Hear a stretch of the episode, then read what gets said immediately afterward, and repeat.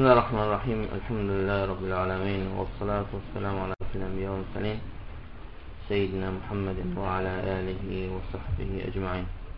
رب اشرح لي صدري ويسر لي أمري واحلل عقدة من لساني يفقهوا قولي. اللهم علمنا ما ينفعنا وانفعنا ما علمتنا آه، وزدنا علما. إن شاء Allah hac derslerine ابن حسين رحمه الله Rahimallah kitabından. آه، Şeyx Rahimullah birinci fəsildə səfər barəsində gətirir və səfərin bəzi ədəbləri və əhkamları. Bir səfər əhli və vətəni tərk etməkdir və vətəndən ayrılmaqdır və bu da bir çox məqsədlərə görə ola bilər. Yəni, səfər müəyyən məqsədlərə, bir çox məqsədlərə görə ola bilər, dini və dünyavi məqsədlərə görə. O səfərin hökmü də o məqsəddən asılıdır. Hansı ki, ondan ötürü səfərə çıxır, o məqsəddən asılıdır. Əgər səfərə ibadət üçün çıxırsa, onda onun səfəri ibadət. Necə ki, həc və cihad səfəri kimi. Əgər mübah bir şeydən ötürü səfərə çıxırsa, onda səfərin hökmü olur? Səfərin hökmü də mübah olur. Əgər ticarət məqsədi ilə çıxırsa, yəni buna misal nədir? E, ticarət, halal ticarətdən ötürü səfərə çıxmaq. Əgər haramdan ötürü səfərə çıxırsa, onda səfərin hökmü də haram olur. Əgər deyir, asilik və yer üzərində fəsad törətmək üçün səfərə çıxırsa. Kim səfərə çıxırsa, həc üçün, yaxud da başqa ibadətlərlə, ibadət məqsədi ilə səfərə çıxırsa, onun üçün aşağıda şeylərlə maraqlanmaq lazımdır. Birincisi, ixlasdır. Niyyətini düzəltməlidir. Allah üçün çıxmalıdır. Əgər səfəri ibadət məqsədi ilədirsə, yəni Allaha yaxınlaşmaq, yəni ixlas nədir burada? Allaha yaxınlaşmaq məqsədini tutmalı bütün işlərində. Yəni, onun sözləri və əməlləri, hətta onun xərclədiyi də Allaha yaxınlaşdıran əməllərdən olması üçün. Yəni, mütləq ixlas olmalıdır və bununla da artıq onun həsənəti artır və günahları silinir və dərəcələri qalxır. Peyğəmbər sallallahu aleyhi və səlləm Sa'd ibn Əbi Vaqqas radiyallahu anhuya deyir ki, İnnəkə lən tunfiqə nəfəqətən təbtəği bihə vəcəllah illə ucirsə aleyhə həttə mə təcəluhu fi fiyyim ratik. Ey fəmihə. Buxar Müslimdə gələn hədisdə Peyğəmbər s.ə.v Səad ibn Əbi Vaqqas radiyallahu anhuya buyurur ki, sən deyir, hər hansı bir nəfəqa, yəni xərclədiyin zaman, bir şeyi xərclədiyin zaman Allahın rizasını qəsd edərsənsə, ona görə sənə əcr yazılır, mükafat yazılır. Hətta öz həyat yoldaşının ağzına qoyduğun bir şeydə də sənə savab yazılır. O loxmada da sən savab qazanırsan, əgər bunu ixlasla o niyyətlə edərsənsə, Allahın izasını qazanmaq üçün. Və ikinci, yəni diqqət yetirilməz məsələlərdən biri səfərdə, ixlasdan sonra, yəni Allah Teala'nın vacib etdiyi əməlləri yerinə yetirməyə həris olmaq və həmçində haramlardan çəkinməyə həris olmaq və həmçin namazı cəmaatla vaxtında qılmaq insan həris olmalıdır və öz yoldaşlarına nəsiyyət etməli və onlara yaxşı, yaxşını əmr etməli və pisdən çəkindirməli və onları çağırdığı zaman hikmətlə və gözəl moizə ilə onları çağırmalı e, və həmçinin e, söz və əməl tərəfdən olan haramlardan çəkinməyə həris olmalıdır. Yalandan, qeybətdən, nəmimə, yəni ara qarışdırmaqdan, söz gəzdirməkdən və qış aldatmaqdan, xəyanətdən və bundan başqa o sözlə və əməllə olan haramlardan çəkinməlidir, asiliklərdən. Və üçüncü diqqət etməz məsələlərdən ən yətəxallaqa bi əxlaqil fadilə minəl kəram bil bədəni vəl ilmi vəl məli e, o gözəl, üstün əxlaqla əxlaqlanmağa çalışmalıdır. Səxavət. Həm bədən, həm elm, həm də mal tərəfdən səxavətli olmalıdır və köməyə, yardıma ehtiyacı olanlara yardım etməli və elm tələb edənə elmini sərf etməli və öz malı ilə səxavətli olmalı, həm özünün xeyirləri üçün, həm də qardaşlarının ehtiyacı üçün o maldan xərcləməli e, və o nəfəqanı çox götürməli, yəni xərcləyəcək şeyi, istifadə edəcək şeyi çox götürməli, e, yəni səfər ehtiyaclarını bir ola bilsin, yəni müəyyən yəni, maniyələr ola bilər, ehtiyac üz verə bilər və işlər yuvana bilər. Ona görə ehtiyatını götürməlisən səfərdə. E, və yənbəğən yakuna fi dəl kulli talqul vəc insan bütün bu işləri hamısında ə, e, həm bədən, elm və mal tərəfdən səxavətində yəni könül xoşluğu ilə gülər üzlə bunları yerinə yetirməlidir və çalışmalıdır ki, dostlarının ə, e, qəlbinə sevinc daxil etsin və həm sevən və sevilənlərdən olsun. Və yənbəğən yasbir alə mə yəhsu min cəfəy rufqatihi və həmçinin o yoldaşlıqdan, yəni yoldaşlarından o baş verən, o müəyyən kobudluğa səbr etməlidir. Onların öz rəyinə müxalif olmalarına da səbr etməlidir və onları gözəl şəkildə yola verməli ki, onların arasında ehtiram sahibi olsun və hörmət olunanlardan olsun.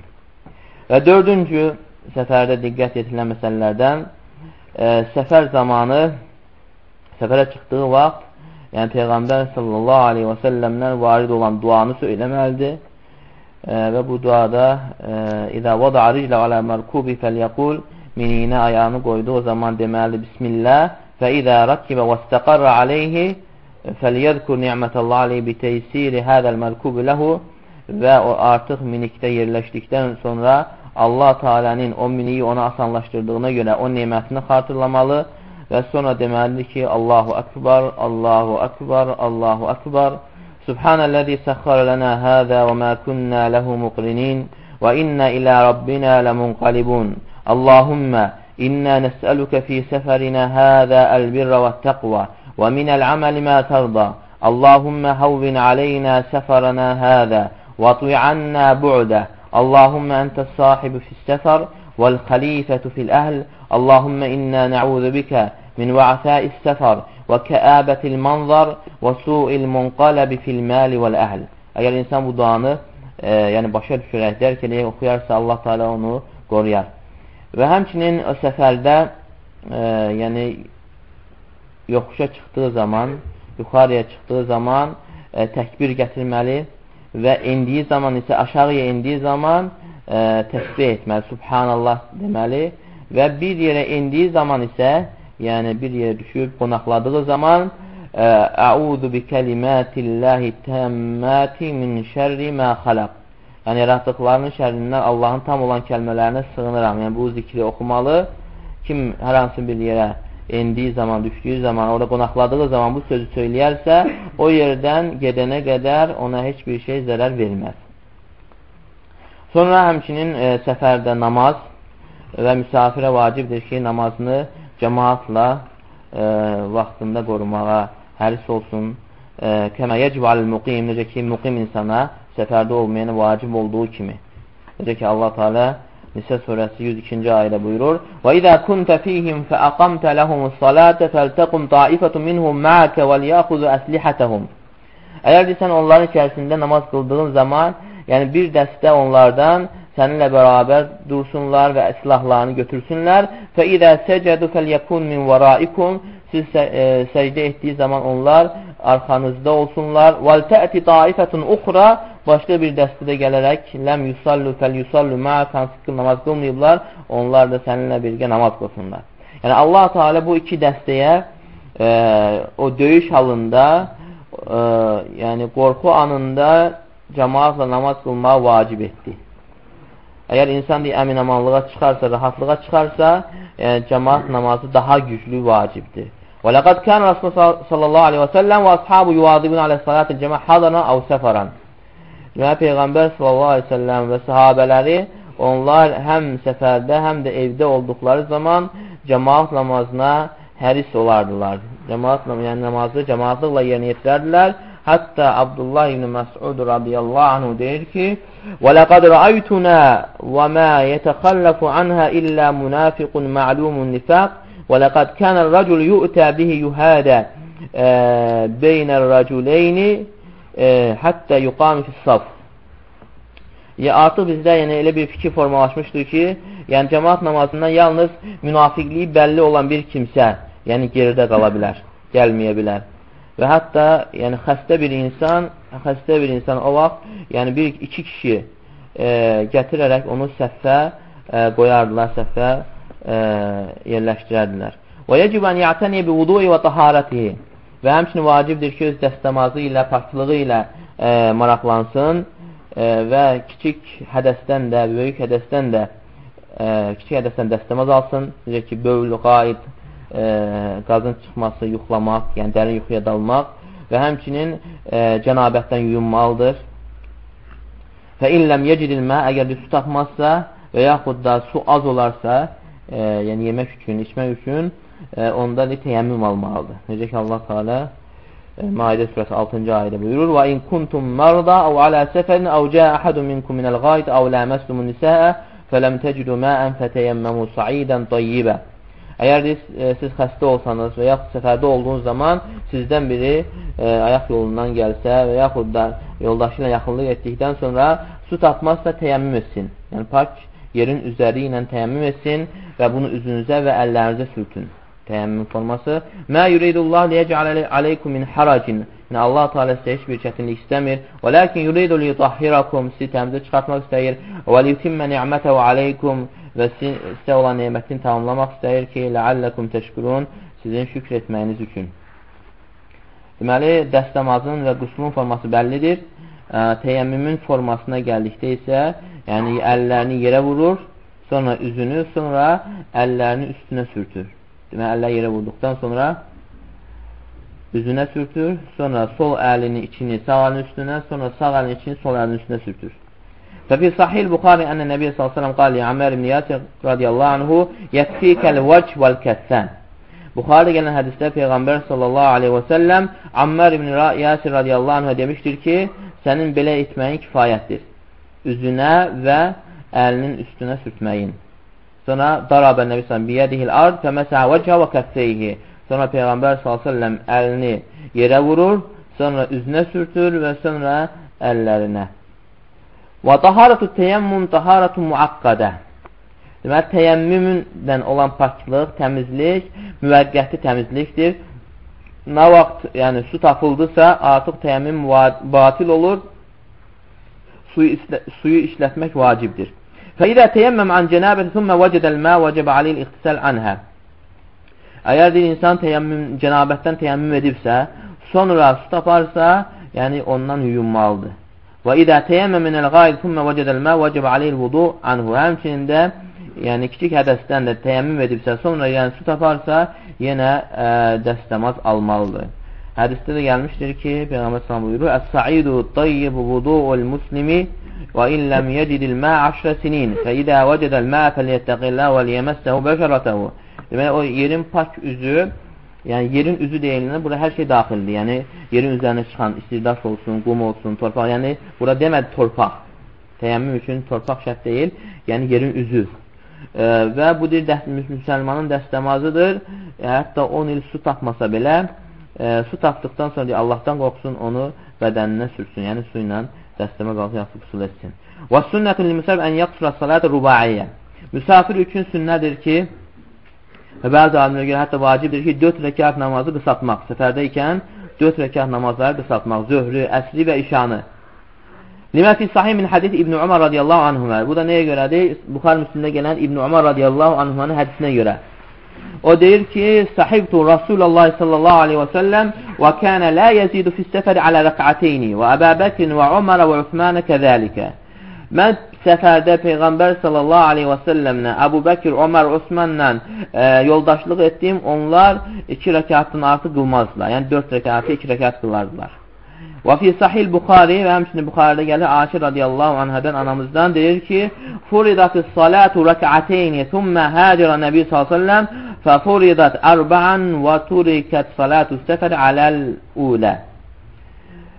Yəni ilk əvvəl, ilk əvvəl namaz vacib olanda iki rəkat vacib olmuşdur.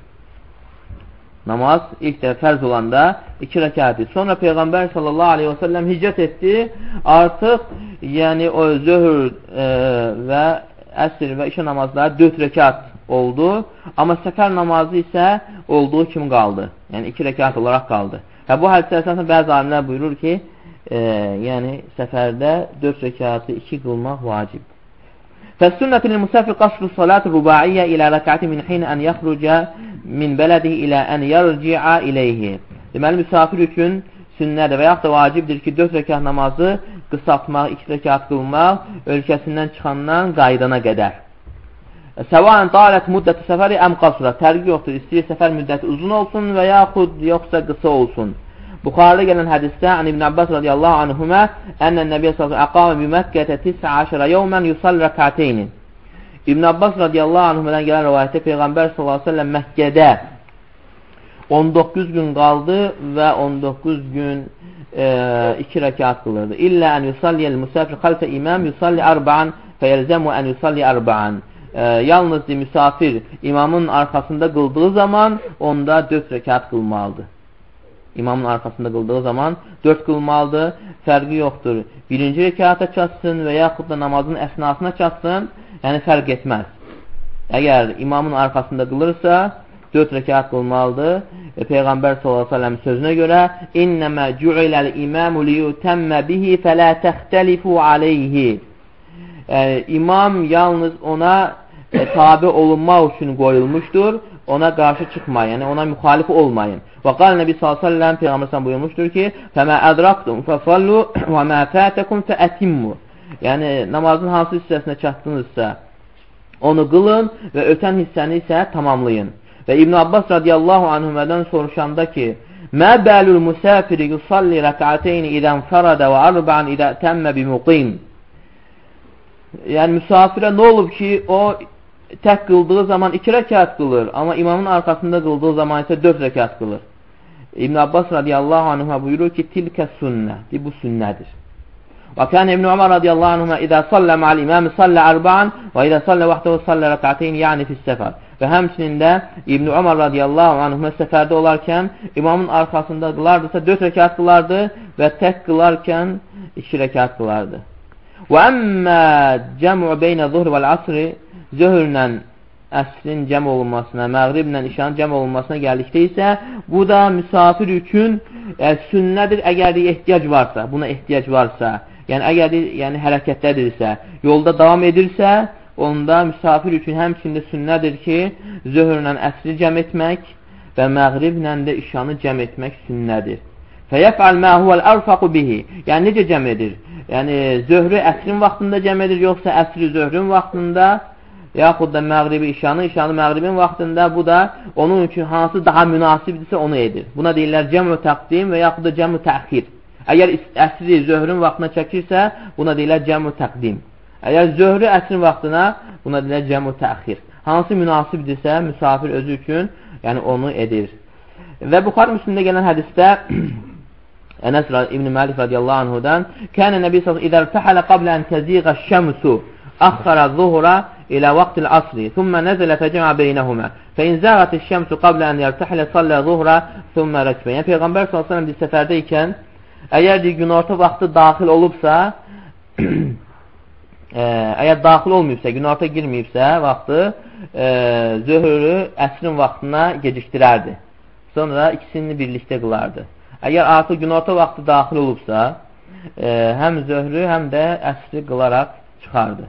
Valil Beyhaqi, yəni bu hədis nəyə aiddir? Yəni bəzilər başa düşür ki, səfər, yəni evdən çıxarkən. Yəni bu evdən çıxarkən nə vaxt səfərdə ikən? Səfərdə ikən. Beyhaqidə gəlir ki, Kənə Rasulullah sallam İdə kənə fi səfərin və zələti şəmsu sallə zuhrə vəl asrə cəm'ən. Beyhaqi gətirir ki, Peyğəmbər s.ə.v səfərdə ikən, yəni bu mühümdür, bəziləri, yəni yuxarı hədisdə o qeyd olunmayıb, yəni onu başqa cür başa düşür. Yəni səfərdə ikən artıq e, yəni günortanın vaxtı daxil olubsa, zöhrü və əsri də cəm edərək çıxardı. Yəni insan evdə ikən, hələ səfərə çıxmayıbsa, cəm etmək olmaz. Və əmə izə ləm yekunul musafir muhtacin lil cəmə fələ yecməu. Sonra isə əgər müsafir cəm etməyə ehtiyac yoxdursa, artıq yerləşibsə, hər şey rahatdırsa, qısaldır, amma cəm etmir. Namazları cəm etmir. Mislən yakunu nəzdən fi məkan la yuridu an yartahilə minhu illə ba'da dukhul vaqti saniyə fəl awla adamul cəm'i li'annahu ghayru muhtacun ilayhi. Əgər bir yerə enibsə və o yerdən yalnız ikinci namazın vaxtı daxil olandan sonra çıxacaqsa, onun üçün daha yaxşıdır ki, yəni cəm etməsin vaxtında qılsın, çünki ona ehtiyacı yoxdur. ولذلك لم يجمع النبي صلى الله عليه وسلم حين كان نازل في منى في حجة الوداع لعدم الحاجة إليه və buna görə Peyğəmbər s.ə.v minada yəni olarkən ehtiyacı olmadığına görə cəm etməmişdir. Və əmmə salatu tatavvu və e, səfərdə ikən nafilə namazlara gəldikdə isə ratibə yox, nafilə. E, müsafir istədiyi qədər e, müqimin qıldığı kimi nafilə namazları qıla bilər. Duha namazı, gecə namazı, vitir namazı və bundan başqa e, nafilələr qıla bilər. Amma ratibəni qılmır. Yəni zöhrün sünnətlərini, məğribin, işanın sünnətlərini qılmır. Və bu, bu özü sünnətdəndir ki, o sünnətləri qılmayasan. Sünnətdəndir ki, zöhrün, e, məğribin və işanın sünnətlərini qılmayasan. Amma sübhün sünnəti isə qılınır. İxlasla.com saytı tərəfindən təqdim olundu.